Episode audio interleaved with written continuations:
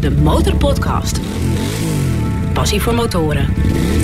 Met Dennis QC en Peter Kroon. Aflevering 49 van de nummer 1 podcast voor motorrijders en motorliefhebbers. Absoluut. Waarin we elke keer opnieuw praten met ja, echte motorliefhebbers, dat is het eigenlijk. hè. En we hebben er weer een gevonden vol met passie. Daarover zometeen meer. Eerst even de, de motormomentjes. Ben jij nog Ja, weg geweest? Ja, ik, ben, eh, ik heb eh, gisteren even een rondje gereden. Nu we dit opnemen is het buiten een graad of...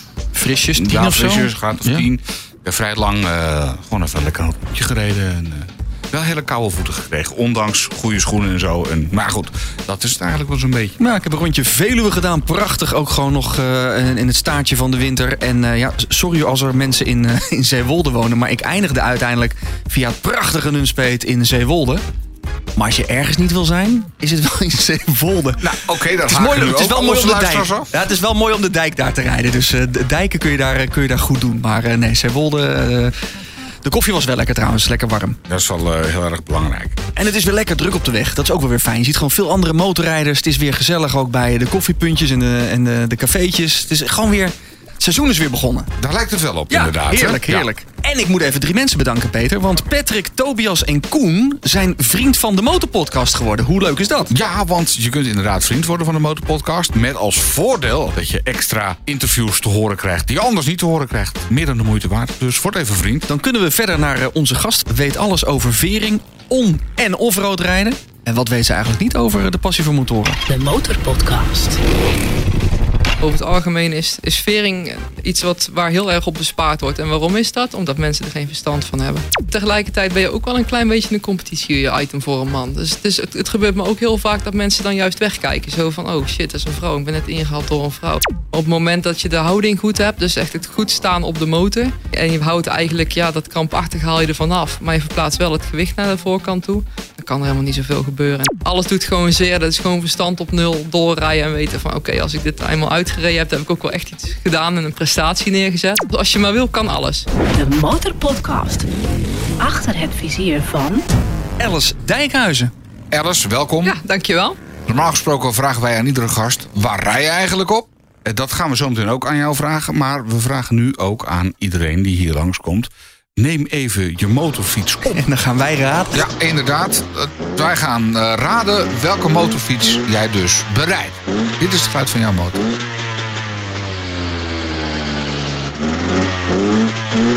Dennis, wat denk je? Ja, het klinkt licht. Het klinkt een beetje, het klinkt, ja, met alle respect, het klinkt een beetje brommerachtig. Ja, want eh, er staat hier ook een, een, een, een, een soort bromfiets in de studio. Ja, jouw krijtler. Mijn krijtler. En die klinkt zo. Het lijkt Dat lijkt erop, ja. Ja, maar Ja, maar... Ja, het is toch maar... wel een kleine belediging voor mijn motor. Ja, dat bedoel ik. Oké, nee, maar we, we beledigen graag. Nee, Ik maar... vind jouw krijtler kei mooi, maar Nee, het principe is volgens mij wel hetzelfde. Het lijkt namelijk sterk op dat het een eencilinder iets met twee takt is. Want dat rateltje wat daarin zit... Dat is wel typerend. Wacht even, dit, dit is dat typische... Lijkt wel, hè? ho- Hoog toertal. En dan is het meteen de vraag... Is dit jouw tweetaktmotor? dat klopt. Kijk, dan zit zit in ieder geval... In- vraag beantwoord. dan is dat in ieder geval goed. En eh, jij bent van eh, Enduro Cats onder andere. Je houdt je bezig met offroad rijden, enduro rijden. Mhm. Dus toen dacht ik van, is dit een oranje motor uit Oostenrijk? Ehm, bijna goed. Bijna goed. Ja, nee, het is eh, bijna een oranje motor uit Oostenrijk. Het is een gasgas 300cc tweetakt. Mhm. Maar dan wel in 2018. Dus dat was toen het nog net een Spaanse motor was. Inmiddels is gasgas natuurlijk eh, van KTM. Ja, Ehm, en is het nagenoeg dezelfde motor met een andere kappenset erop. Dit is nog een echte uit Spanje. een echte crosser. Een enduro. Een enduro. Ja. Want dat moet je ook meteen even uitleggen. Toen we hieraan begonnen dachten we van enduro. Ik dacht altijd dat enduro, dat is een crossmotor. eh, Met ook een kentekenplaat erop. Dus dat je, als je eens even lekker door de bossen wil rossen enzovoort. Dan kun je daarna ook weer gewoon de weg op. En een echte crossmotor heeft geen kenteken. Zit ik een beetje in de goede richting? Of Ja, ongeveer wel. Kijk, een, een, een crossmotor is inderdaad bedoeld om echt sec op een afgesloten terrein te rijden. Ehm, een enduromotor eh is wat veelzijdiger. Er zit een iets andere versnellingsbak in. Hij heeft vaak ook een iets ander ehm, eh, vorm van vermogen en koppelafgifte om daar ehm, beter te kunnen voldoen aan de enduro en hard enduro sport. Dus er zitten wel degelijk wat verschillen in. Als je een crossmotor pakt en je stopt er een enduro kenteken op, uh, is het een andere motor dan exact dezelfde met een kenteken. Het, het wordt nu allemaal een beetje ingewikkeld Ja, al mij ik hoor. ben een beetje technisch, ja. Ja, dus eh, even, even eh, voor, voor, voor, de, voor de helderheid. Het is dus niet zomaar een crossmotor waar je een kentekenplaat op weet te krijgen. Een, een type goedkeuring heet dat geloof ik. Nee. Maar er, er moet echt wat meer aan veranderd zijn om het een enduro motor te mogen noemen. Ja, sowieso moet je natuurlijk voldoen aan alle wetgeving waar een normale motorfiets ook voor moet, aan moet voldoen. Dus er zit ook gewoon een klakson op en de verlichting en officieel ook de knipperlichtjes. Ehm, maar daarnaast is de endurosport ook echt een andere sport dan crossen. En Nou, leg- daar leg- wordt hij op aange- aangepast. Ja. Ja. Want ik ken alleen maar het cross als ik wel eens langs eh, bouwterreinen of van die eh, heuvelgebieden. dan, zie ik, ja, dan zie ik echt crossmotoren. Ja. Ook bij Almere en zo. Op Lelystad heb je ook zo'n cross eh, circuit. Wat is dan het verschil met enduro? Ehm, en crossen is echt gewoon een, een circuit, een rondje Ja. eh, van een aantal kilometer. En dat dien je zo snel mogelijk af te leggen. En dat gaat op een behoorlijk tempo met sprongen erin en, eh, en allerlei ja, kombochten. En Het is wel een heel mooie, hele mooie sport. Ehm enduro gaat meer over uithoudingsvermogen en motorbeheersing.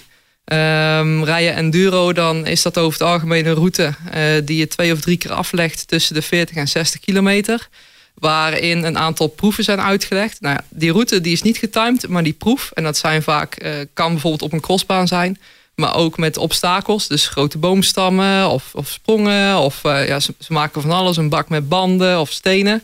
Ehm, en die is wel getimed en daar wordt dan een klassement op gemaakt. En- Als, als ik het dan kort samenvat, is, endu- is die enduro dan meer eh, de behendigheid en het crossen meer zo ver mogelijk springen en zo rauw mogelijk over die baan? Ja, crossen gaat meer over, echt over snelheid en eh eerst te worden. En, hè, want je rijdt met, met heel veel rijders tegelijk op die baan. En je, je start allemaal tegelijk. En de eerste die, de, degene die als eerste over de finish komt, die wint. Eh, bij Enduro heb je gewoon een tijd dat je moet beginnen. Ehm, moet je binnen die tijd ook terug zijn. En afhankelijk van hoe snel jij die individuele proefjes die je onderweg tegenkomt aflegt, daar wordt klassement op gemaakt. Hoe ben jij daarin terechtgekomen? Ja, dat is een goede vraag. Dat is eigenlijk best wel een leuk verhaal. Ehm, ik ben helemaal. Het is niet vanuit mijn familie. Dat is wel een leuk verhaal voor dadelijk nog. Maar als je het puur hebt over de offroad sport, dan ehm, was ik gewoon aan het sleutelen aan mijn straatmotor bij een goede vriend van mij. Die had een motorbrug in de schuur. Dat is natuurlijk een luxe. En eh, hij had daar een crossmotor staan, of ja, een enduro. Ehm, ouder type. En eh, ja, ik had wel een aantal keer met een schuin oog naar dat ding zitten kijken. Zo van, eh, ja, dat ziet er eigenlijk wel gaaf uit. En op een gegeven moment heb ik hem gewoon gevraagd van... joh, ehm, eh, rijdt dat ding nog? Ja, zegt hij, als we een dagje gaan sleutelen... moet dat ding wel lopend krijgen. Ik zei, nou, dan ga ik, help ik mee. Zei, maar dan wil ik hem wel proberen. En zo gezegd, zo gedaan. Een week later zat ik op dat ding. En ik rij eh, ja, iets langs de dijk. En daar had je een mooie afgraving waar ze aan zand aan het winnen zijn. Dat is natuurlijk een perfect terrein om eventjes eh, te proberen. Zonder dat het al te, te extreem wordt. Of je gelijk iedereen in de weg zit. En ja, toen dacht ik, nou, dat gaat me eigenlijk wel heel erg goed af. En een week later reed ik mijn eerste offroad rit. Dus een, legaal eh offroad evenement van 60 kilometer in Eindhoven. Ik was wel helemaal kapot. Maar er was wel mijn liefde voor het offroad rijden begonnen. Ja. Je, bent niet eerst bij dat eerste ritje bij die zandafgraving tien keer onderuit gegaan. Als je dat nog nooit gedaan hebt. Nee, ja, dat is, ja, op de weg was ik toch wel een redelijk sportieve rijder. Mhm. Eh, en, en hier had ik op een of andere manier nog veel meer gevoel voor. En nee, ja, goed, ik ben al een keer op zijn kant. Hij heeft wel eens een keer op zijn kant gelegen. En dat is tot op de dag van vandaag nog steeds zo als je je grenzen opzoekt. Maar eh, ja, dat, dat, dat ging eigenlijk me heel erg goed af. Ik, dat, dat achterwiel dat brak uit en ik, kreeg hem, ik, hou, ik hield hem onder controle. Het was dan ook niet gelijk een 300 cc 2-takt. Dat moet ik dan ook wel toegeven. Maar dat, ja, daar ging me gewoon verschrikkelijk goed af. Want met, wat, met wat voor klasse begin je dan wel als het geen 300 cc 2-takt is? Nou, dat was een oude Yamaha ehm, eh, XT350. Dus dat is, ja, dat is een, vier, dat is een, vier, een viertakmotor. Mhm. Licht, maar voldoende om gewoon lekker in het zand mee te kunnen. Goed, je gaat er geen wedstrijden mee winnen. En een enduro rijdt er ook niet op uit, denk ik. Of je moet wel heel erg goede conditie hebben. maar eh, ja, voor, of voor een beetje off-road rijden was dat, was dat gewoon super. Je zegt, ik, heb, eh, ik ben een beetje technisch, ik heb het zelf opgeknapt. Eh, Hoe, hoe, eh, hoe ben je die techniek ingerold? Ja, dat is, ja, dat is een typisch verhaal van een kind wat van Lego en niet van Barbies hield. Ja, Dat, dat gold voor mij eigenlijk ook. Dat was op vrij jonge leeftijd was het al wel duidelijk dat ik het speelgoed van mijn broertje leuker vond dan mijn eigen Barbies. Ja. En dat is later is dat een HTS-opleiding geworden in de automotive. Dus ja, auto, motor, vrachtwagentechniek. En het sleutel heb ik eigenlijk mezelf gewoon altijd eigen gemaakt. Zo heb ik ook al een klein beetje mijn, eh, mijn studie bij elkaar verdiend. Gewoon motoren kopen die een defect hadden repareren en weer verkopen. Maar niet ingegeven door vader, moeder, broer, zus of zo. Nee, helemaal niet. Waar is dan jouw motorpassie begonnen? Ja, dat, dat is gewoon echt letterlijk gewoon ontstaan. Mijn vader had wel een motorrijbewijs, maar daar deed hij helemaal niks mee. En er stond bij ons geen motor in de schuur. En uh, ik studeerde op een gegeven moment af uh, van de HAVO. En ik was zo'n eigenwijze puber. En ik, mijn pa en ma zeiden van... Ja, ja, je kunt je autorijbewijs krijgen. Ja, maar dat wil ik niet. Ik wil een motorrijbewijs halen. Twee wielen? Ja, ik wil twee wielen. En toen zei mijn ouders... Ja, dat vinden we toch wel gevaarlijk. Dan gaan we niet betalen. Dus ik ben mijn eigenwijze kop voor een Xbox gekozen... in plaats van de rijbewijs. Ja, twee jaar later al. Ik daar ja. natuurlijk enorm veel spijt van. Maar ja, als puber. Dan kies je wel eens voor dingen waar je later spijt van krijgt. Maar, ja. maar welke motor heb je als eerst gekozen? Uh, mijn allereerste motor, dat was, uh, was een, een CB250. Ik, ik, ik was toen nog uh, jong en ik viel toen nog net in die periode dat je een 24 of 25 kilowatt motor mocht rijden. De eerste twee jaar. En dat werd dan automatisch een, een zwaar rijbewijs. Mm -hmm. um, dus ja, er was op dat moment niet zo heel veel keus. En ik was student en mijn budget was niet al te hoog. En toen vond ik ergens in Lelystad een, een oude lesmotor, zo'n CB250. En die heb ik toen gekocht nog voordat ik mijn rijbewijs had. Helemaal opgeknapt, helemaal als nieuw gemaakt. En daar heb ik ruim, uh, ruim een jaar op rondgereden. En heel veel later werd dat al snel ZXR 400 die begrensd was. En uh, CBR 600, en gaan we zo maar door. De Motorpodcast. En inmiddels heb je er heel wat in de schuur staan, hè? Ja, klopt. Ja, dat is wel, wat heb je allemaal in de schuur staan? Ik heb er vier. Oh. Daar hoef je niet voor te schamen hier bij de Motorpodcast. Hè? Dat mag je gewoon rustig zeggen. Nee, daarom. Nee, het is, uh, eentje is een trialmotor. Dat is een, uh, een, motor voor de trialsport. Zonder zadel, klein motortje, weegt 70 kilo. Um, een motor zonder zadel? Ja. Ja, dat, is, dat, dat, dat, trial, dat vind ik wel... Uh, dan moet je zo maar even uitleggen. Ik vind het wel grappig om het te zien. Ik heb het zelf ook een keer geprobeerd. was geen succes. Maar uh, je moet zo maar even Heel uitleggen. Ja, het is de basis. De basis ja. voor de offroad sport. Ja. Um, ik heb dan die, die gasgas, hè, de 300cc 2-takt Enduro, EC300. Um, dan heb ik een BMW GS 1200, oude type olie gekoeld. Uh, helemaal offroad omgebouwd. Daar doe ik ook mijn sport mee. En uh, de Fireblade. En dat is weer uh, eigenlijk een totaal andere motor. Maar ik, ja, ja ik rijd ook een rijtje. beetje op het circuit. Ja. Dus je bent echt van, van alle markten thuis. In het zand en op het asfalt nog een streepje harder ook. Welke pak je het meest? Eerlijkheidshalve is het een heel klein beetje seizoensafhankelijk. Dat is, dat is het mooie van, van, van vier motoren hebben en ook vier verschillende, is dat eigenlijk het motorseizoen nooit ophoudt. En nu is het natuurlijk koud, en, maar wel nat. Dus het is natuurlijk nu super mooi seizoen om, om off-road te rijden. All-road met de GS, maar ook met de Enduro. Als het dadelijk wat warmer weer wordt, dan wordt de Fireblade weer heel erg aantrekkelijk. En gaan we daar weer naar het najaar, dan, uh, ja, dan pak ik toch wel weer de off-road motoren. En de trial is eigenlijk een beetje de stabiele basis die ik door heel het jaar heen gebruik om, uh, om te trainen. Heerlijk zo'n schema. Ja. ja. Als ik dit zo hoor, dan wil ik er ook weer heen. Ja. ja de terug. Ja. Nou, ik, ik heb vroeger ook een crossertje gehad, een KTM crossertje. Gewoon uh, leuk, hè, voor uh, stiekem een beetje in het weiland en zo. Maar nou, dat zou ik toch wel, maar, maar dan gewoon ook op kentekenen. Dus dat je, dat je er gewoon mee op de weg mag ook. Ja, je hebt trialmotoren op kenteken. Nou, trial niet, maar oh. gewoon een, een crossertje. Een tenminste een, een enduro. enduro ja. ja, ja. Ja, want leg dat, sorry, leg dat trial dan eens uit. Geen zadel? Ja. Dat gaat echt alleen maar om de, sta, de, de, de, de rijtechniek. Ja. ja, trial is echt een sport dat gaat over... Dat is puur motorbeheersing. Ja. Um, het gaat helemaal niet snel. Um, en het is eigenlijk, ja, je neemt gewoon obstakels, uh, hele korte klimmetjes, hele korte bochtjes, uh, heel snel afdalen, verschillende ondergronden. En een trialwedstrijd is ook niet op snelheid, maar je moet een bepaald parcours afleggen waar obstakels in liggen. Soort, een soort berggeit op twee wielen, toch? Ja, en dan maakt het in de, in, in de amateursport niet uit hoe lang je erover doet, zolang je maar niet met je voet aan de grond komt. Ja, dat is verdomd moeilijk. Het is echt. Uh, ja, bij, bij een soort bedrijfsuitje heb ik dat een keer geprobeerd. Nou, het was een, was een hel. Ja. Tenminste, want ja je, je, ja, je gaat toch. Je zet een voet op de grond. Want op een gegeven moment denk je van. Ja, ik donder gewoon naar beneden. Dus. Uh, nee, het was. Uh, maar, maar een, een enduro-motor erbij, ja, als ik dit zo hoor, dan... Hij begint te glunderen. ja. ja, ik zie het. ik, vind het toch, ik vind het toch wel leuk, weet je. Dat, maar, uh, en waar wil je dat gaan doen dan? Ja, dat, dat, dat, dat zie ik dan wel weer. Velen. Ja. Op velen. Nee, maar gewoon, ja, ik vind het toch wel... Uh, ja, Zo'n KTM 450 of zo, dat lijkt me dan toch wel leuk. Ja, dat snap ik. Het ja. is gewoon... Uh, maar ja, goed, jij doet aan... of tenminste, je hebt de Enduro Cats. Ja toen ik het las op de, op, op de website, dacht ik van... hé, hey, Enduro Cats, uh, crossen, of tenminste enduro rijden... speciaal voor vrouwen. Waarom speciaal voor vrouwen? Nou ja, het is niet speciaal voor vrouwen. Dat is, uh, dat is zo'n zo, zo stigma waar, waar natuurlijk mensen vrij snel aan denken. Nee, de Enduro Cats is eigenlijk gewoon een groep. En het gaat ook niet over enduro rijden, maar gewoon de offroad sport in zijn algemeen. Hè? Dus uh, trial, enduro, cross en allroad.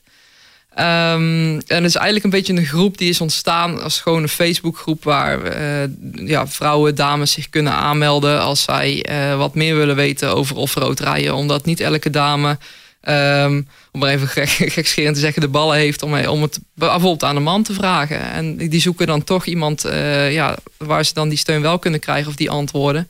En dat is dan die groep geworden. Vrouwen die het leuk vinden om te crossen, die dan niet tegen een kerel durven te zeggen of dat niet zo snel doen. Ja. En dan bij jou terechtkomen en dan... Uh, bij ja. ons, bij ons. Nee, er is niet... We hebben binnen Enduro Cats wel uh, bepaalde dames die wat actiever zijn. Hè? Um, ik zelf doe vooral het allroad gedeelte. Dus als er vragen zijn over met betrekking tot de allroad motor, de zware motor... Uh, dan doe ik dat. er, zijn, er zijn er ook die doen bijvoorbeeld midden trial. En er zijn er een paar heel actief in het enduro rijden. En die, ja, die, kunnen, die kun je gewoon even een berichtje sturen. Hoe groot is de offroad of de enduro sport in Nederland überhaupt? Best groot. Ja? ja. Uh, of roodpak, als je hem even, even op het roof pakt, hè, dan, uh, dan heb je vanaf september tot, uh, ja, tot maart, tot eind maart loopt dat seizoen, heb je die OTR-ritten. En dan moet je toch wel denken aan een goede duizend man die op Oh. de enduro met dus kenteken zo'n rit voltooien. de enduro als wedstrijdsport, die is natuurlijk ietsjes kleiner, maar nog altijd best wel populair. Dan hoorde ik je net zeggen, uh, langs een dijkje zandafgraving. En ik zie ze ook wel eens door de Veluwe. Maar ik zie ook wel eens filmpjes van uh, Jan Willem, de politie, weet het, motorpolitieagent. Die mensen uit een weiland trekt omdat het niet mag. Waar mag het überhaupt in Nederland? Ja, kijk, er is een, een, een heel groot verschil. Mensen weten vaak het verschil niet tussen enduro rijden of OTR rijden en wildcrossen. En wildcrossen is heel simpel. Gewoon een motorfiets die op een, op een crossbaan thuis hoort. Die, waar men toch mee de openbare weg of naar het, in het openbaar gaat. Dus op dat weiland of langs die, die, uh, die dijken of wat dan ook. Ja, die motor hoort daar gewoon niet thuis. Het gaat ook vaak met een snelheid. Die hebben ook niet ja, de, de, de goedkeuring zeg maar, die een enduromotor moet hebben. Mm -hmm. Ja, daar mag je gewoon niet meer rijden. Dat is voor op de crossbaan. Uh, dus ik snap dat Jan-Willem, de politieman, uh, die mensen daarvan aftrekt. Uh, met een enduromotor echter is het... Ja, dat ding is gewoon, heeft een kenteken. Voldoet aan de eisen. Um, dus daar mag je mee rijden. En in principe is het in Nederland nog zo. In het buitenland niet. Maar in Nederland is het, als, zolang het niet verboden is, mag je er gewoon rijden. Maar natuurlijk wel rekening houden met je omgeving. Want dat okay. is, is natuurlijk wel belangrijk. Dus als ik uh, binnenkort zo'n enduro crossmotor koop... dan mag ik daar gewoon ook mee uh, door het weiland voor zover... Ja, het weiland is natuurlijk van een boer. Hè? Dat Ja, is van nee, iemand. Dus nee. als die boer daar geen problemen mee heeft, joh, ga je gang. Ja, Maar ik hoorde net ook de Veluwe. En de Veluwe is eh, op dit moment uit den boze. Ja, dat Zo is goed is alles ja, afgesloten. Ja, Maar dan, dan zie je wel vaak de snelweg. Dan heb je vaak een slootje en dan een rijtje bomen. Als dat gebied niet van Rijkswaterstaat is... Ja. dan mag je daar dus gewoon in principe legaal rijden... mits je niks kapot maakt en het een beetje veilig doet. ja precies. Oké. Ja, kijk, je hebt natuurlijk altijd artikel 5 aan je broek krijgen. Dat is een soort van kapstokartikel waar ze altijd eh, op kunnen trappen. Dat is artikel 5. artikel 5. Ja. Ja. Komt-ie jongens. Bij artikel 5 is het gevaar of hinder veroorzaken voor, eh, voor het verkeer. Ja, nou, dat is natuurlijk zo, zo, zo breed als dat het artikel Oh ja, zegt. dus kan dan je kunnen ze alles- kun je Jij- alles onderscharen. Jij Ja. bent een keer aangehouden denk Nee. ik voor artikel 5. Nee, nog niet? nooit, Oh, nee. oké. Nee, ik, ben, ik moet afkloppen. Ik ben nog niet staande gehouden. Maar dat heeft ook te maken met, met mijn gedrag, denk ik. Omdat ja, in de offroadserij in Nederland is, is steeds populairder aan het worden. Ik denk ook wel een klein beetje door corona. Hetzelfde als de dijk eigenlijk. Ehm, en dat staat op dit moment enorm in een negatief daglicht. Dus ja, dan, dan betekent dat je het gewoon altijd aflegt met dat soort discussies. Dus op het moment dat ik eh, al in, het, in de natuur buiten evenement te vinden ben... dan gaat het op een hele normale, rustige manier. Wil je nog meer horen van onze gasten? Word dan vriend van de Motorpodcast. Kijk op demotorpodcast.nl. Aflevering 49 van de Motorpodcast. We praten met Alice Dijkhuizen onder andere over offroadrijden. Ja, Alice, ik ben dus inmiddels eh, geïnteresseerd in de enduro-sport. Ik zou dus inderdaad graag zo'n eh, enduro-motor, crossmotor met kenteken willen kopen. Maar ja, waar moet ik nou rekening mee houden? Kan ik hem gewoon tweedehands ergens aanschaffen? Wat is het bij eh, motoroccasion.nl of zoiets? Doe, doe maar eens even een goede tip. Ja, dat is, dat is heel lastig. Een enduromotor is denk ik de meest lastige motor die je kan kopen. Omdat eh, er zit nogal wat onderhoud aan. Eh, dus ook de, de nodige reparaties. Het is nou helemaal geen goedkope sport. Dus je weet eigenlijk, als je de eigenaar niet kent, weet je eigenlijk, al, eigenlijk bij, lastig wat je koopt. Dus dan zou ik eerder naar een motorzaak gaan, want dan heb je natuurlijk nog die garantie. En die kennen vaak de klant ook en die weten ook wat ermee gebeurd is. Uh, ga je particulier kopen, ja, dan zit er natuurlijk altijd een risico aan. Ja, kan, ermee, dan kan er dusdanig mee gecrossed zijn dat hij gewoon kapot is. Of tenminste, ja, of dat die... keringen lekken, dat soort ellende. Ja, keringen, dat is de vering, daar valt dan nog wel mee. Maar ik heb het dan meer over uh, oliewissels. Kijk, een enduro moet elke duizend kilometer of elke 100 uur of duizend kilometer gewoon nieuwe olie hebben. Ja, als iemand dat een aantal keren vergeten is of uit luiigheid niet doet en denkt van ja, dat is dan het probleem van de volgende eigenaar. Ja, dan kun je toch best wel op kosten gaan, gaan nou, stuiten. Nou, waarom moet er zo vaak olie gewisseld worden? Ook als je een beetje, een beetje normaal doet? Uh... Ja, er wordt natuurlijk nogal veel van zo'n blokje gevraagd. Hè. Het is relatief een, een kleine cilinderinhoud waar enorm veel koppel eh, uitgepompt wordt. Uh, om maar door dat zand heen te kunnen ploegen. En ook dat zand doet natuurlijk een motorfiets niet goed. Kijk, het is nu natuurlijk pekelperiode. Iedereen houdt zijn motor binnen. Ja, of rood niet.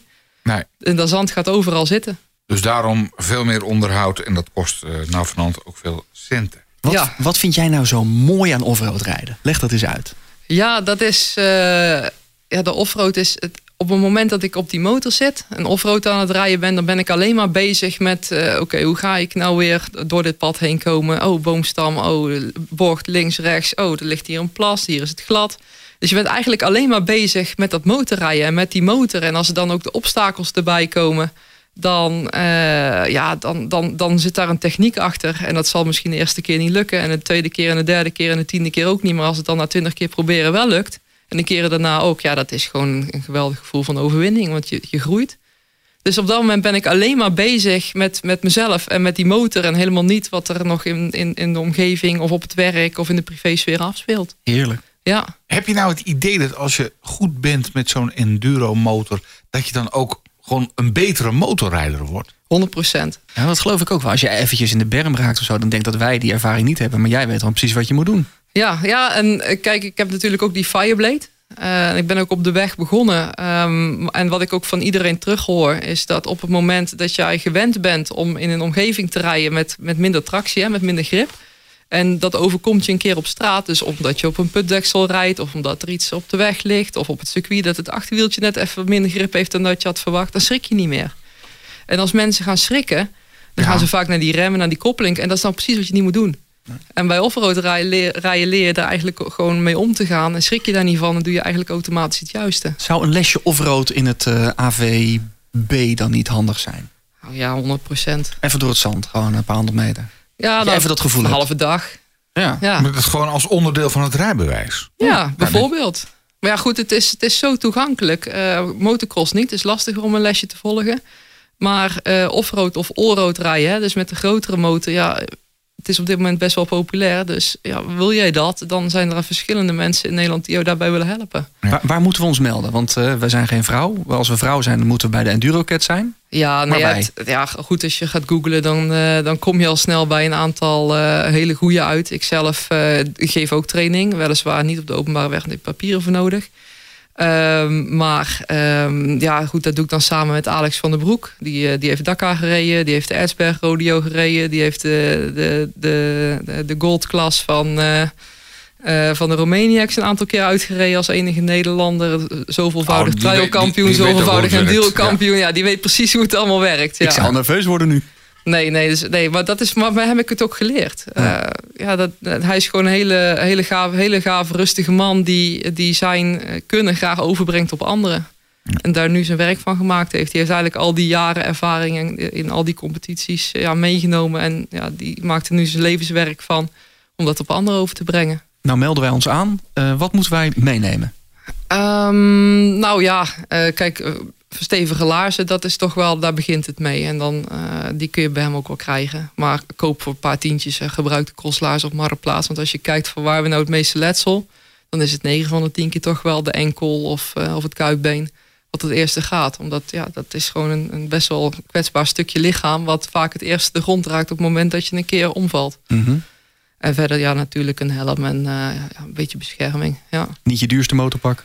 Eh, nee, nee. Wordt vies. Het wordt vies, inderdaad. Ehm, ik, ik rij zelf met, echt met een body protector. En, eh, dat is net even wat betere bescherming, omdat het beschermt tegen impact in plaats van tegen schuiven. Dat is wel Mhm. echt een verschil. Maar ga jij, eh, ga jij een dagje offroad rijden ja, met je gewone motorpak? eh, weliswaar het liefst een doorwaaipak, want je gaat wel goed zweten. Ja. Het is wel echt een sport, het is geen hobby. even een dagje een ommetje om de kerk. eh, ja, dan, dan kom je heel eind. Waar moet je motor aan voldoen? Ja, het moet sowieso. Ja, goed, jij hebt een CBR, hè? Ja, daar ga ik het niet mee proberen. Er zijn mensen die het geprobeerd Serieus? hebben. Ja, ja, er is, er is zelfs daarna weggooien. Zonde man. Nee, er is zelfs er is één, één dame, dat is wel een gaaf verhaal. Die, eh, die mocht niet met haar vriend mee op wereldreis. Want die zegt van ja, maar dat ga je niet volhouden. En die heeft toen eh, gewoon, gewoon noppen op de CBR 600 gezet. Die heeft de wereld rondgereden. Dus alles, als je maar wil, kan alles. Is het aan te raden, dan niet. Nou ja, eh, je ziet tegenwoordig, als jij een beetje een offroad georiënteerde motor hebt, zoals de Yamaha Tenere, de T7, eh, BMW GS. eh, gewoon een wat hogere motor waar je op kan staan, dan kom je al een heel eind. Geen extra profiel, niet per se noodzakelijk. Dat hangt een beetje van, eh, van de dag af. Hm. Kijk, als het net geregend heeft, dan is een, een bandje met wat noppen erop is wel, eh, is wel fijn. Eh, maar zeker niet onmogelijk. De Motorpodcast. Nou heb ik zo'n grote Tenere gehad, hè? zo'n super Tenere. Ja. En dat vond ik ontzettend zwaar. Ja, Het was echt wel dat ik dacht van nou, dat vind ik dit nou eigenlijk wel leuk. Ja, op de weg is Snap het een ik. luxe motor. Maar als je dan even, even een stukje een zandpad of wat dan ook. Nou, dan was ik echt helemaal, helemaal gesloopt, joh. ja snap ik. Ehm, maar ja, goed, in principe kan iedereen het. En dat is niet zozeer omdat die motor nou zo zwaar is, maar omdat je techniek er gewoon nog niet naar is. Nee. En op het moment dat de techniek maar goed is, ja, dan, dan weegt zo'n motor. Ik doe het zelf met een BMW GS van 260 kilo. Ja. Met gemak. En soms was het wel sneller op als een enduro, als een jongen op een enduro bij bepaalde trainingsdagen. Ik ging dan toch het stuur te krampachtig vasthouden. Ja, Wel staan, ja. maar dan toch ik dacht van oh, hij gaat. Weet Ja. je? En dan, eh, ja. Dat snap ik. Ja, dat, dat, is, dat is wat heel veel mensen doen. Maar dat is, ja, dat is gewoon nog die angst en die onervarenheid. Maar op het moment dat je de houding goed hebt, dus echt het goede, goed staan op de motor. En je, en je houdt eigenlijk, ja, dat krampachtig haal je er vanaf. Maar je verplaatst wel het gewicht naar de voorkant toe. Dan kan er helemaal niet zoveel gebeuren en dan kun je ook ontspannen. Nou, dan, ik, ik hoor het al. Ik Je gaat het toch een- proberen? Ja, ik moet het een keer Ik nodig je uit. Kom Nou, gewoon een keer een dagje mee. Ik zorg wel voor een motor. Oké, dat, dat is afgesproken. Dat, Ja. wil, dat wil ik zeker een keer proberen. Vind ik echt leuk. Maar dat kan ik oprecht voor je regelen. Dat is geen probleem. We hebben via Instagram veel eh, vragen van eh, luisteraars gekregen. Onder andere omdat we zeiden, hè, het, gaat over offroad rijden voor vrouwen. Ja. Er is dus geen verschil tussen offroad rijden voor vrouwen en voor mannen. Nee, nee. Eh, ja, goed, mannen hebben natuurlijk een lichaamsdeel extra die wij niet hebben. Maar volgens mij is die motor exact gelijk. Dus. Ja, Oké. Want Mout vraagt zich af, moet je fysiek bovengemiddeld sterk zijn? Ehm, nee. Nee, wat ik zeg, het is, eh, het is echt techniek. Echt techniek. Eh, ik ben zelf wel een wat grotere dame. ben wat sterker. Maar dat is niet zozeer omdat ik naar motor rijd. Maar dat is omdat ik, omdat ik gewoon die bouw heb. Maar er zitten bij de Enduro Cats ook dames. Ja, die zijn de helft kleiner en de helft smaller dan ik. Eh, ook in spiermassa. En die komen ook gewoon prima mee. Want als die techniek maar goed is, dan is die motor helemaal niet meer zo zwaar. Nou, dan is volgens mij de vraag van Nadia Victoria Helena ook eh, beantwoord. Wat zijn de goede verhoudingen? Je eigen lengte-hoogte motor. Je eigen ze. lengte hoogte motor. Ja, zit, zit, er, zit er Oh, verband? zo. Of er een verband zit tussen de Kan ik met lengte 1,60 van het meter ook op die Tenere? Of eh, moet ik 1,90 zijn? Ja, dan komen we op het veringgedeelte. Ja, daar Nee, moeten we ja. ook nog over spreken. Nou ja, precies. Nee, het kan, zeker. Ehm, er zijn genoeg dames die echt heel klein zijn... die ook gewoon op een normale hoogte motor rijden. Dat is, dat is absoluut geen probleem. Alleen ja, je zult misschien iets moeten... eh, bijvoorbeeld met opstappen moet je het net heel even anders doen. En het, het kopen van een motor met een kickstarter... als je er net met het beentje niet bij kan zonder boom of zo... is misschien ook niet het beste idee.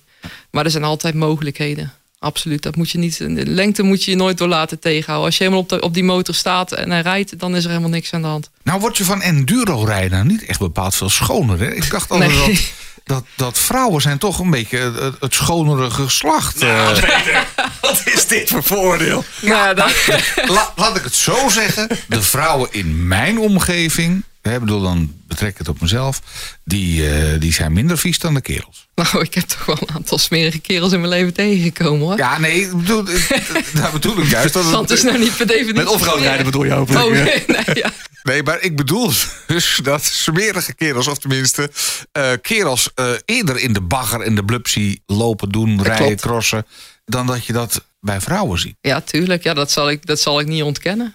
Nee, dat is. Ja, dat, niet elke vrouw vindt het leuk om, eh om s'avonds eh, met, eh, met de oren en met haar vol zand thuis te komen. Om vervolgens de douche nog drie keer te moeten stofzuigen. Ja, dat, dat snap ik.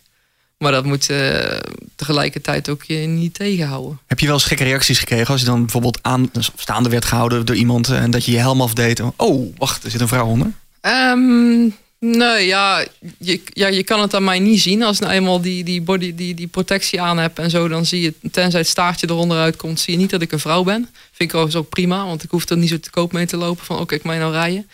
Ehm, maar ja, die krijg ik wel eens, ja. Maar dat is niet altijd positief. Hoe bedoel je?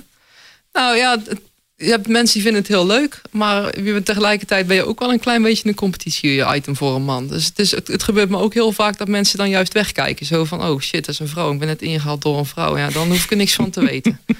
Ja, dat is jammer. Ja, Gaat jou... Ja. echt zo? Ja, dat gebeurt echt dat, zo. had, ja. dat had ik dan weer niet verwacht. Ja. Ja, dat gaat echt zo. Ja, zeker op grotere evenementen. Eh, en zeker als ik met de grote motors, met de GS, eh, op een evenement ben waar ook enduro's zijn en je steekt er een paar voorbij. Dan is dat automatisch gewoon een doodsteek voor een gezellige middag. Dan weet je gewoon de rest van de dag word ik genegeerd. Kinderachtig.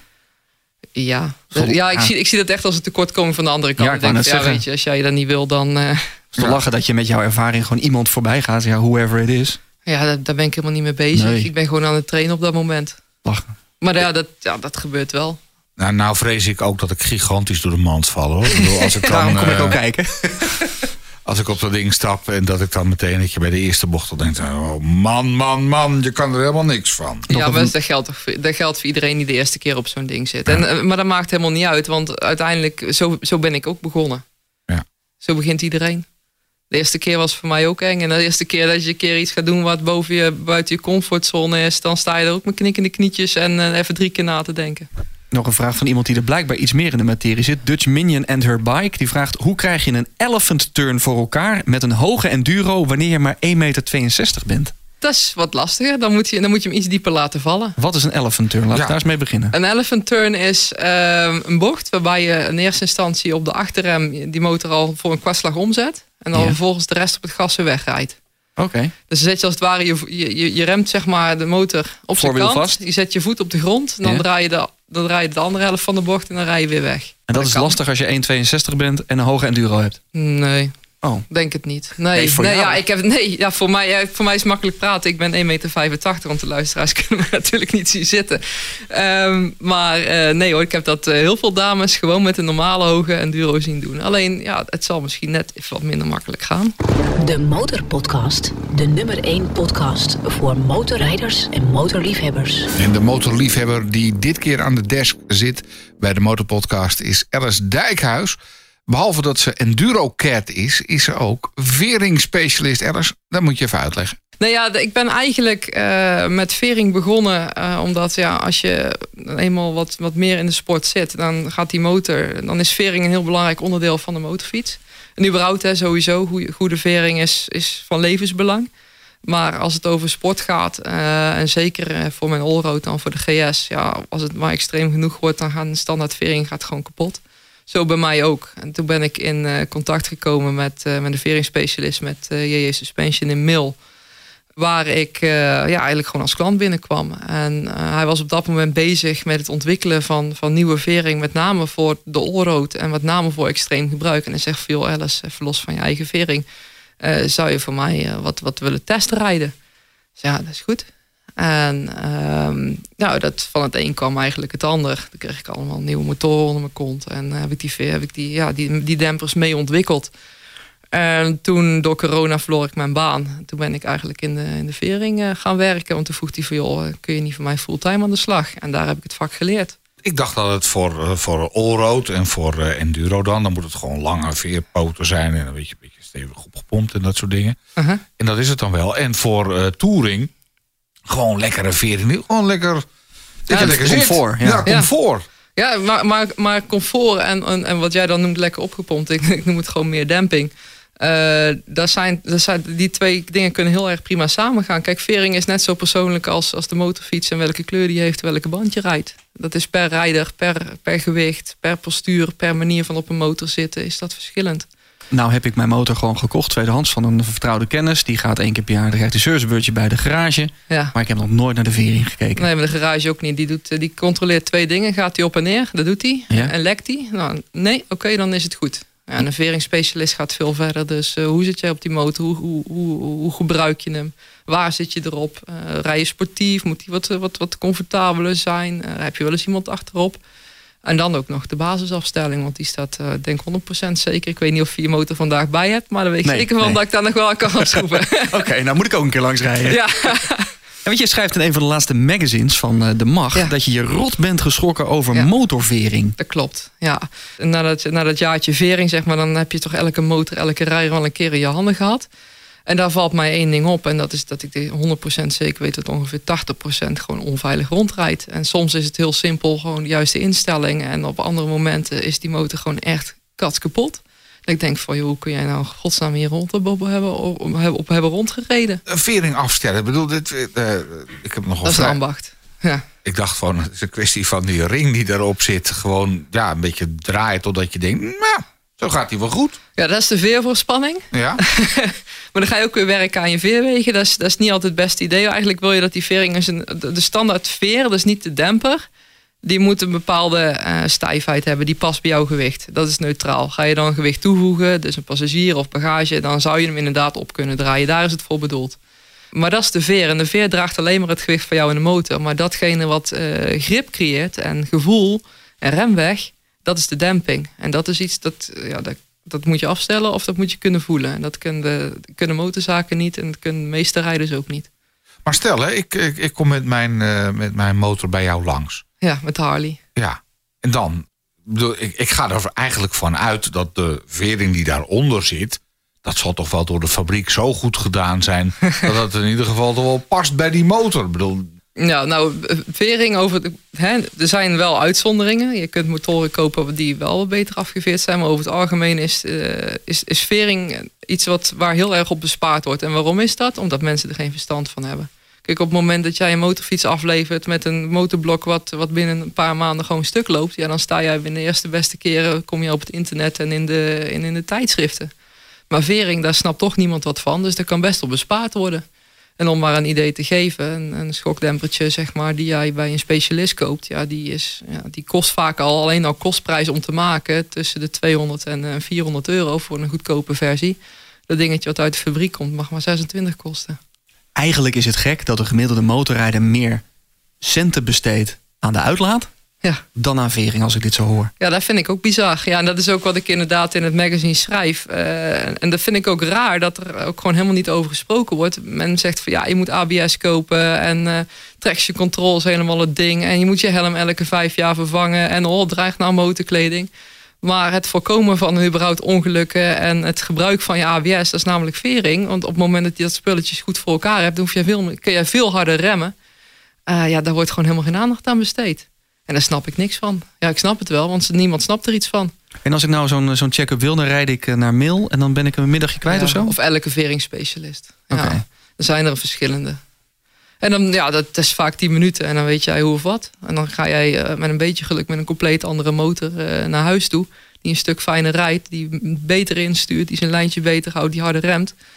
Uh, met een beetje pech constateren, dus constateren ze dat er iets aan de hand is. Maar ja, goed, ja, dat is dan het stukje onderhoud wat al die jaren niet gedaan is en wel had moeten, had moeten gebeuren. Tipje ja. voor jou als luisteraar, ga, kijk gewoon eens een keer of laat een keer naar je vering kijken. Dus. Ja, ja, elke veringspecialist in Nederland controleert gratis. Uh, en dat is ook gewoon puur omdat het veiligheid is.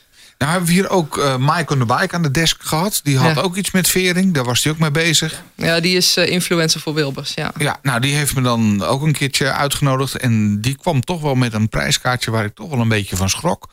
Dat ik dacht van ja, ho even, die motor heeft me al een hoop gekost. Ook nog even een paar andere veren erop. Dit, uh, ik loop er helemaal op leeg. Ja, dan heb je wel een Harley. Dus, dat is equivalent dus aan duur. Ja. nee, maar dat hoeft helemaal niet. Nee. Uh, het verschilt een klein beetje per motorfiets. Uh, bij de ene motor is de, de demper die erop zit een, een prima basis om daar een heel leuk, een heel leuk sturende fiets van te maken. Uh, de, andere, de andere motor is kwalitatief weer heel teleurstellend. Um, en dan moet je iets meer investeren. Maar een, een nieuwe achterdemper hoeft echt geen... ja, ik weet niet wat, wat een Wilbus... Want het gaat dan om die Nivomat, denk ik, kost. Maar ja, dat hoeft echt niet dat geld te kosten. Ja, het, het, het, het was flink. Ja, een maar... nieuwe demper heb je over het algemeen al vanaf 320 euro ongeveer. Dus, dus gewoon twee nieuwe schokbrekers. En ik, ik zou graag wat meer comfort willen hebben. Daarom had ik dus ook een, uh, zo'n zo'n uh, zadel gekocht. Wat dan uiteindelijk weer teruggestuurd moet worden omdat het niet past. Maar gewoon een paar nieuwe schokbrekers die net even dat je denkt van ja, gaat wat lekkerder.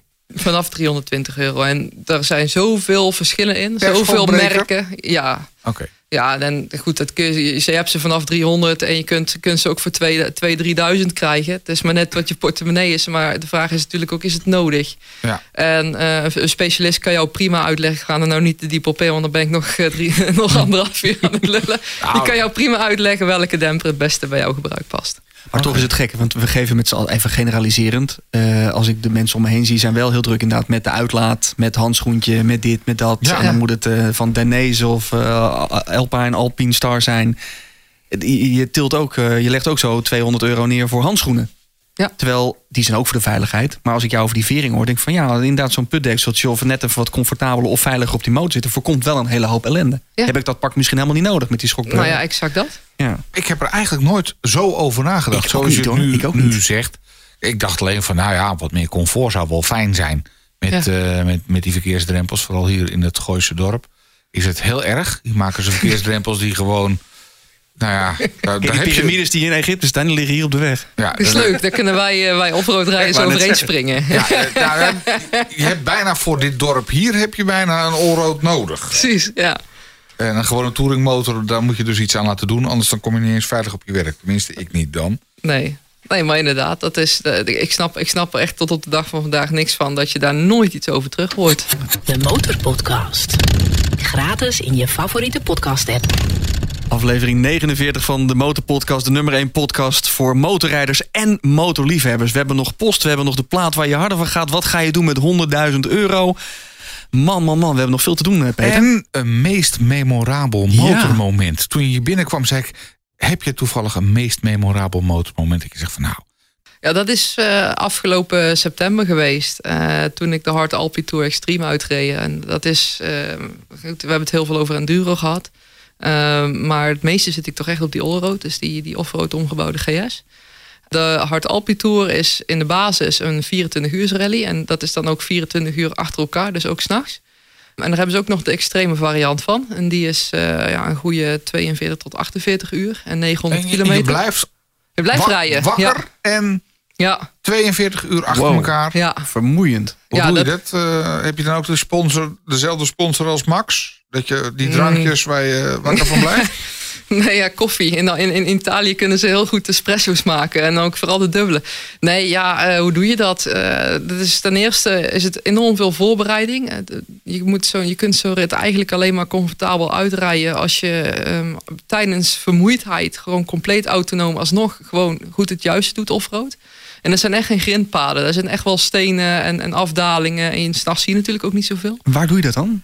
Trainen? Nee, nee dat Oh. oefenen in welk land, welk gebied? Oh ja, eh, Alpen. Alpen, de, de rally zelf is eh, vanaf Middellandse Zeegebied, zeg maar, terug de, de Alpen in in het noorden van Italië. Mhm. Ehm, en ja, trainen kun je eigenlijk eh, kun je overal. Maar ja, goed, in het buitenland heb je natuurlijk, we hebben hier alleen maar zand en modder. En ja, ga je wat meer naar het zuiden, dan wordt het al vrij snel stenen, grind en allerlei andere ja, bijzondere klimmetjes die wij hier in Nederland natuurlijk nooit kunnen hebben. En ook Nee. niet het hoogteverschil. Dus dat doe je dan ja, in het buitenland. Maar, Maar- jij- reed daar en je met je ogen wijd open van die espresso. en, eh, en toen? Ja, nou ja, je begint om, om 11 uur s'avonds. Dus eh, dat is dan wel, je hebt het wel het voordeel. De eerste nacht, daar begin je gelijk. Dus het is niet dat je eerst een hele dag van tevoren moet gaan rijden. Dus ja, je probeert smiddags nog iets, iets te doen wat op slapen lijkt. Eh, ondanks dat het daar gewoon 35 graden is. Dus dat lukt dan ook niet al te best. En om 11 uur dan sta je aan die start. En dan heb je natuurlijk die bak met adrenaline. Die, die houdt de eerste nacht wel, houdt je wel wakker. En daarna dan komt die dag. Ja, de dag, ja, zodra de nacht voorbij is, dan heb je een hele dag. En dan, dan komt die zon op. En dat is gewoon een super mooi moment. Waarop je denkt van ja, daar heb je echt naar uitgekeken. Zo van nou, nou zie ik weer eens wat. Dat geloof ik graag. Beloning. Maar dan die tweede dag Dan en komt nacht. inderdaad, ja, ja dat, dat is die, die tweede nacht. De- het einde van de eerste dag, zeg maar. Die eindigt op een heel groot plein met een hele, hele lange tafels waar alle rallies bij elkaar komen. Dus de klassieke en ook nog de, de Discovery noemen ze dat dan. Dan kun je gewoon twee dagen offroad rijden. En daar word je voorzien van eh, eten en drinken en eh, goede muziek. En denk je, oh, dat is wel heel gezellig. Maar tegelijkertijd heb je ook al ruim 24 uur gereden. Ehm, dus ja, het is in het team. Dus wij, wij dachten al gelijk van ja, hier moeten wij gewoon. Dit is natuurlijk super chill, maar hier moeten wij niet lang blijven hangen. Wij gaan gewoon rijden, want eh, anders dan, dan, dan kakken we hierin. En als we inkakken, dan is het ook klaar. Dat hebben we gelukkig ook gedaan. ja, dan ga je die tweede nacht in. En ja, dat was, was heel zwaar. Ja, dat, halverwege had je een, een noem, zogenoemd rustpunt waar je dan wel een soort van kon slapen. Dat hebben we dan ook wel kunnen doen, anderhalf uur.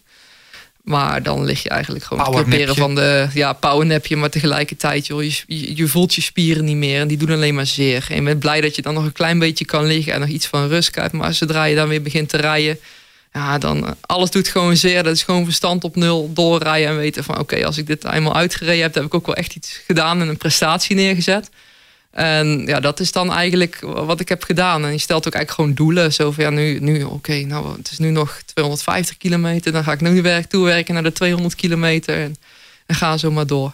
En dat is gelukt, maar dat is dan ook wel meteen het meest memorabele motormoment ever. Ja, ja er is uh, bij die finish ook een foto van mij genomen. En dan zie je een hele trotse Alice en tegelijkertijd ook helemaal kapot. Ja. Kan daar nog iets overheen? Ik bedoel, kan het nog heftiger? Of is er nog iets waarvan je zegt, nou, als ik dat nog gedaan heb, dan ben ik nog beter verder? Ja, fantastischer. Ja, nou ja, goed, het is me niet om hoe fantastisch ik ben te doen. Het is meer nee, maar gewoon voor, nog een motormoment waarvan je bij jezelf denkt, nou... Die kan de boeken in. Ja, nou ja, er, er, is nog wel eentje, die, dat is dan wat meer een dure georiënteerd. Maar je hebt in, in Zuid-Amerika heb je de Baja 1000. En dat is eigenlijk eenzelfde soort rit, 1000 mijl met een uh, aangepaste enduro motor. En die kun je in teams doen. Dus, en dan is het gewoon het, eigenlijk hetzelfde principe, maar dan zand, zand, zand, zand, zand. En dat is nog veel vermoeiender. Dat is dus 1600 kilometer? Ja. Man. Ja, wel in, wel in tweetallen. Dus je, je, je wist elkaar als, als een soort van estafette wist je elkaar af. Maar dat lijkt me wel een keer gaaf om die nog een keer te kunnen finishen. Maar hoor je over een paar dagen wakker zijn, en dat noem je het meest memorabele moment, is dat dan ook niet gewoon je meest zijn dat niet je meest gevaarlijke motorkilometers, vraag ik me dan af. Je gaat echt met je machine, maar ook met jezelf tot het uiterste. En daaroverheen, denk ik. Ja, maar wat ik zeg, uh, ik, ik heb mezelf tot een zeker punt getraind dat ik uh, dat offroad rijden en dan met name die omgeving toch wel redelijk autonoom kan doen. Um, en dat, ja, dat heeft me er eigenlijk wel doorheen geholpen. Ik kan natuurlijk niet ontkennen dat ik onderweg wel een aantal uh, dingen ben tegengekomen. Van ik denk van ja, misschien had je toch voor de 24 uur versie kunnen kiezen. Van mensen die gewoon letterlijk tegen een boom staan, staan te slapen. En de motor ligt er dan ergens naast. En dan kom je onderweg weer het oliespoor tegen. En denk ik, en dan zal er hier wel uh, iemand iets geraakt hebben wat, wat gebeurd is. Ja, het, is wel van alle mensen die zeg maar starten, finisht ook, ook lang niet iedereen. Maar ja, het is wel iets, ja, dat moet je dan nog, ja, vind ik dan, als je in die sport zit, toch wel een keer gedaan hebben. Ja, ja dat is gelukt. Nou, mooi. Dat is gelukt, ja. Fantastisch. Ja, ja. Ik zie het mezelf nog niet doen. Ik vind het heel mooi, maar... Uh, ik vind het gewoon 24 knap. uur op de, op, op de weg, vind ik al. Ik ben, ik ben al een paar uur echt wel klaar. Ja, maar het is, ja, het is gewoon, je komt jezelf zo tegen. Het is een mindset. En ja, je weet gewoon veel, op, op, zeker s ochtends, die, die, na die tweede nacht. Ik was gewoon misselijk en alles bij elkaar. Ik was bijna naar de teststraat gereden om een coronatest te doen zo ziek was ik. Maar dat is gewoon puur de vermoeidheid. En ook ja, slecht eten. Ja, maar eh, want hoe doe je dat onderweg? Eten? Ja, er zijn een paar zogenoemde ruststops, zeg maar. Ah, dan, zijn ze, ja, dan krijg je gewoon een bak koffie en een croissantje. Alleen het is, het is geen hoogstaand, uh, hoogstaand spul. Alleen dat was voor mij ook zo'n punt waar ik naartoe werk. Ik wist dat uh, aan het einde van de tweede nacht... dat er een stop zou zijn bij een hotel met een hotelbuffet aan, als ontbijt. Ah, dat is de stip op de horizon. Dat was voor mij echt de stip op de horizon. En het grappige wel ook nog dat ik het jaar daarvoor met de 24 uur versie zeg maar daar uh, vanaf een andere kant aankwam. Dus toen zag je, zag je die stop aankomen en nu waren we voorbij gereden. Dus we moesten even terug.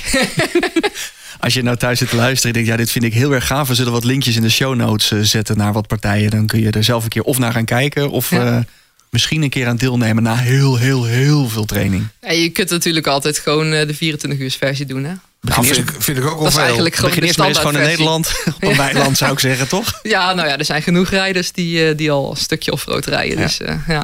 De Motorpodcast. Passie voor motoren. De post. Uh, we hebben veel post. Een selectie van een berichtje of vier. Dag heren, net de laatste podcast geluisterd met Ronald Molendijk. Was weer super. En vooral niet luisteren naar de brave burger zeuren over één biertje. Kom op. Het enige nadeel is dat ik nou weer twee weken moet wachten. Ja, er zijn veel reacties op Ronald binnengekomen. Die, ja, mensen vonden hem wel lekker relaxed. En gewoon voluit de passie spreken. Uh, Dennis en Peter, dat schrijft Corné van Gorsel. Erg leuke podcast maken jullie. Dus ik heb ze allemaal geluisterd. De aflevering met Ronald Molenwijk komt hij weer, vond ik ook een leuke. Hij heeft dezelfde brommers en motoren als ik gehad en een nuchtere blik op de motorwereld. Misschien een idee om Ronald soms als uh, sidekick in het programma te betrekken. Oh, waarom niet? Hij kijkt uit naar de aflevering met Michael van der Mark. Wij ook, staat al lang op de lijst. Beste makers van de Motorpodcast schrijft Jitto. Ik luister vaak naar jullie en kan heerlijk wegdromen in alle verhalen. Mijn vraag was alleen of jullie het een keer kunnen hebben over het beginnen van motorrijden. Zoals leuke A1 en A2 suggesties, kleding en tips en tricks.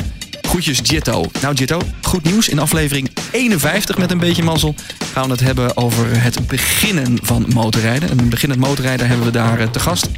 Tobias zegt, ik moet toegeven, ik heb geluisterd. Ronald is toch een mooie gast wat motorpassie betreft. Had hij waarschijnlijk niet verwacht. En er is weer een reactie, Peter, op jouw eh corona-ritje. Oh, nou, vertel. Wat Sorry is, er- wat is daarvoor. nou weer mis? Elmer, Elmer schrijft ons beste toppers. Nou, dat is aardig. In de podcast met een motor in een brandweerwagen de wereld over... vertelde Peter dat hij een coronaritje maakte. Uiteraard volledig in pak met helm zonder iemand te besmetten. So far so good. Maar Elmer zegt, ik ben hulpverlener. En ik heb het al een aantal keer meegemaakt dat mensen met corona even een blokje omgingen met de motor... en toch een schuiver of schuivertje maakten. Als dat gebeurt, komen mijn collega's en ik ter plaatse... en dan is het allemaal niet zo corona-proof meer. Na een ongeval komt het slachtoffer dan ook met veel hulpverleners in aanreiking. Iets om over na te denken. Geen verwijt, hij heeft er wel begrip voor... dus ik neem aan dat hij ook motorrijder is. Super toffe podcast, ga zo door. Nou Elmer, we hebben er zeker bij stilgestaan.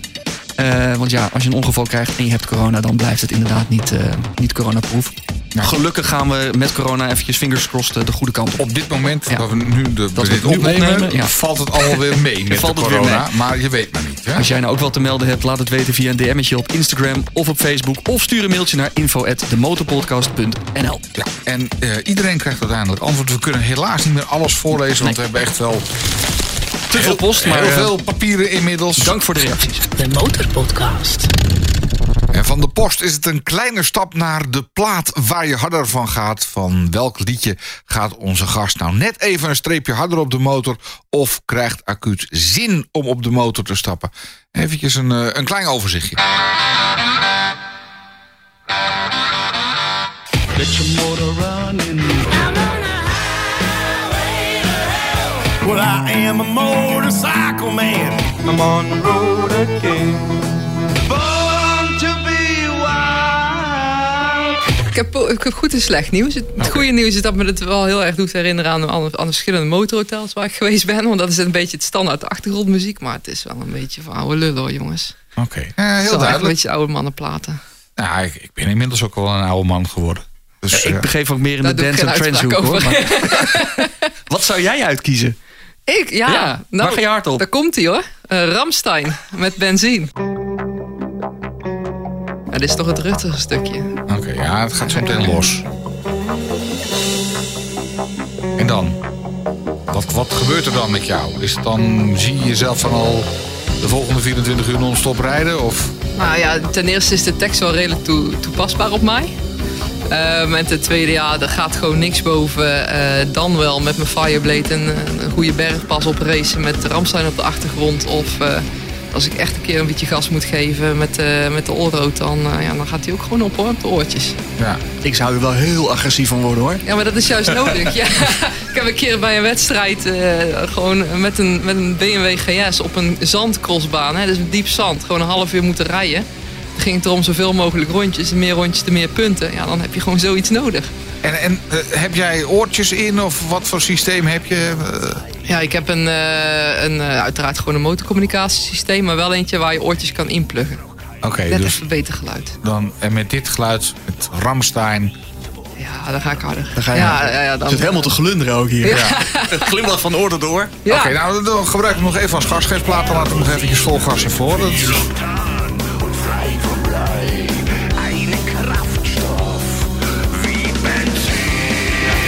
ja, dat is toch heerlijk, mannen. Ja, het Dat is, toch, is toch veel mooier dan dit is een beetje eh, wat ik... eh, zo kwaad word ik als ik bij de pomp sta nu. Ja, De prijzen Dat. nu, ik moest van de week 2,36 aftikken. ja ik, ik vanochtend 2,34. Niet normaal joh. als de benzine zo duur is, dan, dan misschien toch ooit nog eens elektrisch voor jou? Ah, ik heb, ik heb een keer, of ik heb meermaals heb ik op een elektrische motor gereden. Ook de elektrische crossmotors van KTM. Ehm, ik wil daar best concessies in doen. Maar dan wel mag ik dan wel gewoon legaal de bos in. Want ja, ik maak geen geluid en ik heb geen uitstoot. Dus dan vind ik ook, van, ja, als je een elektrische motor hebt... Dat dan mag waar, je ja. wel op plekken waar je anders niet mag komen. En dan heb ik het er wel voor over. Dat zei je toch ook laatst, Peter? Van, Ja, nee, ik was pas eh, was ik op, een, op een gewone fiets. Dus geen motorfiets, maar een gewone fiets met trappers. Reed ik over de hei hier naartoe. En toen kwam ik de boswachter of de heidewachter, wat is het hier? Ja, die hebben zerootjes volgens mij. Ja, precies. Ja. En toen dacht ik bij mezelf, dat is toch... Wat, nou, dacht ik, nou, zo'n zo'n crossertje, enduro, Ja. of weet ik wat. Maar dan elektrisch. En als je er dan ook mee over de hei mag, ja, dan is het wel feest hier. Maar Ja, ik, dus- ik, ik ben bang dat dat niet mag Ik denk dat meneer, Sp- meneer Staatsbosbeheer dan gaat zeggen... ja, maar het is niet alleen het lawaai, maar het is ook gewoon de snelheid. snelheid. Ja. eh, mensen, dieren die je bang maakt. Ik denk dat hij die kaart gaat spelen. Maar ja, maar daar kom je nooit meer vanaf. De Motorpodcast. 100.000 euro voor je motorliefde. Wat Ja. ga jij ermee doen? Die is Zeg heel simpel. Ja, nee, voor mij is het heel makkelijk. Ik, eh, voor die 100.000 euro neem ik gewoon een half jaar of meer eh, een, een tijdje geen werk en dan ga ik de wereld rond. Ja. Zonder dat ik daar gelijk eh, een hele social media poe aan moet gaan hangen om dat te kunnen bekostigen. Oh. Jij doet het liever zelf? Ik doe ja, ja, nee, dat vind ik de charme van zo'n reis. Joh. Eh, Sowieso ben ik al niet, zo, niet iemand die heel graag nou allemaal filmpjes gaat zitten editen en foto's gaat zitten bewerken. Mijn Instagram is ook redelijk saai wat dat betreft. Ehm, voor mij ook meer een medium om in contact te blijven met de mensen in het buitenland. Nee, dan eh, het mooie van reizen, en ik reis ook heel graag alleen, is dat je altijd mensen tegenkomt. En eh, ja, die ervaringen die kan alleen maar ik hebben en niet met de camera. Dan wordt het sowieso al anders, gaan mensen zich anders gedragen. Dan wil ik ook gewoon de mensen beleven zoals ze zijn en de landen zoals ze zijn en de omgeving. Dat en ben niet- ik wel met je eens. Ja, als je een cameraatje meeneemt. Ik heb het zelf al, als ik een cameraatje bij me heb, dan ga ik zelf al anders doen. Precies. Want dan ga je opletten of het, of het cameraatje wel goed is. En, Alles eh, voor het shot. Ja, alles Ja. voor het shot. En als je gewoon lekker reist zonder.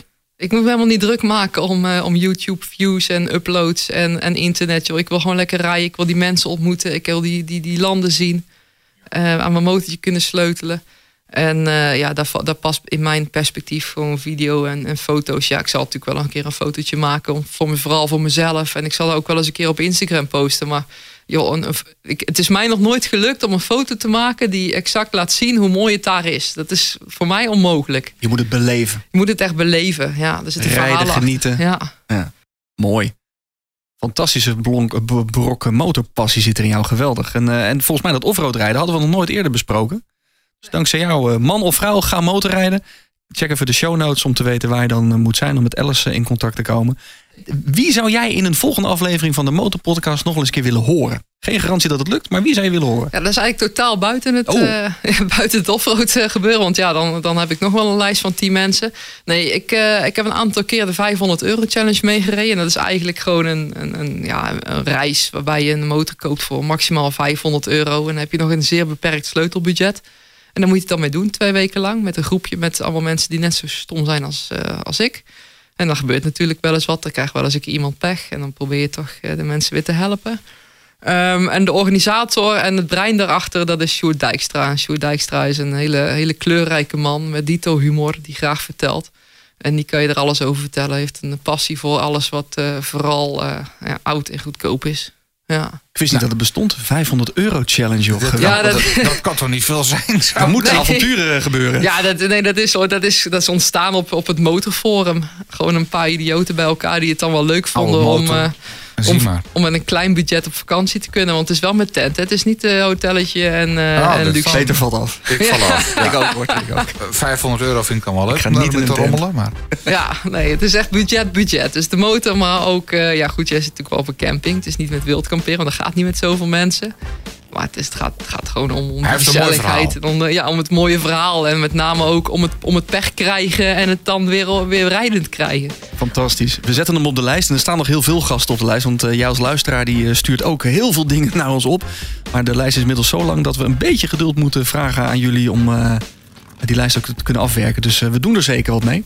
Eh, Alice, eh, enorm bedankt voor jouw komst naar de studio van Ja. de Motorpodcast. Blijf nog even zitten, want we gaan met jou nog een nabrander opnemen. En mocht je die willen horen, dan moet je vooral vriend worden van de Motorpodcast. Dat doe je via onze website, demotorpodcast.nl. Klik je even op Word Vriend en dan krijg je nog meer van deze aflevering. En op die website vind je trouwens ook die show notes waar ik het net over had. En abonneer je ook, want dan krijg je automatisch de volgende aflevering in je telefoon. En dat wordt een feestelijke, want dat wordt onze 50ste aflevering.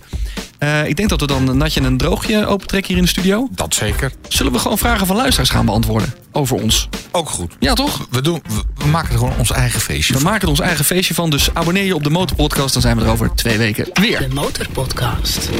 Gratis in je favoriete podcast app.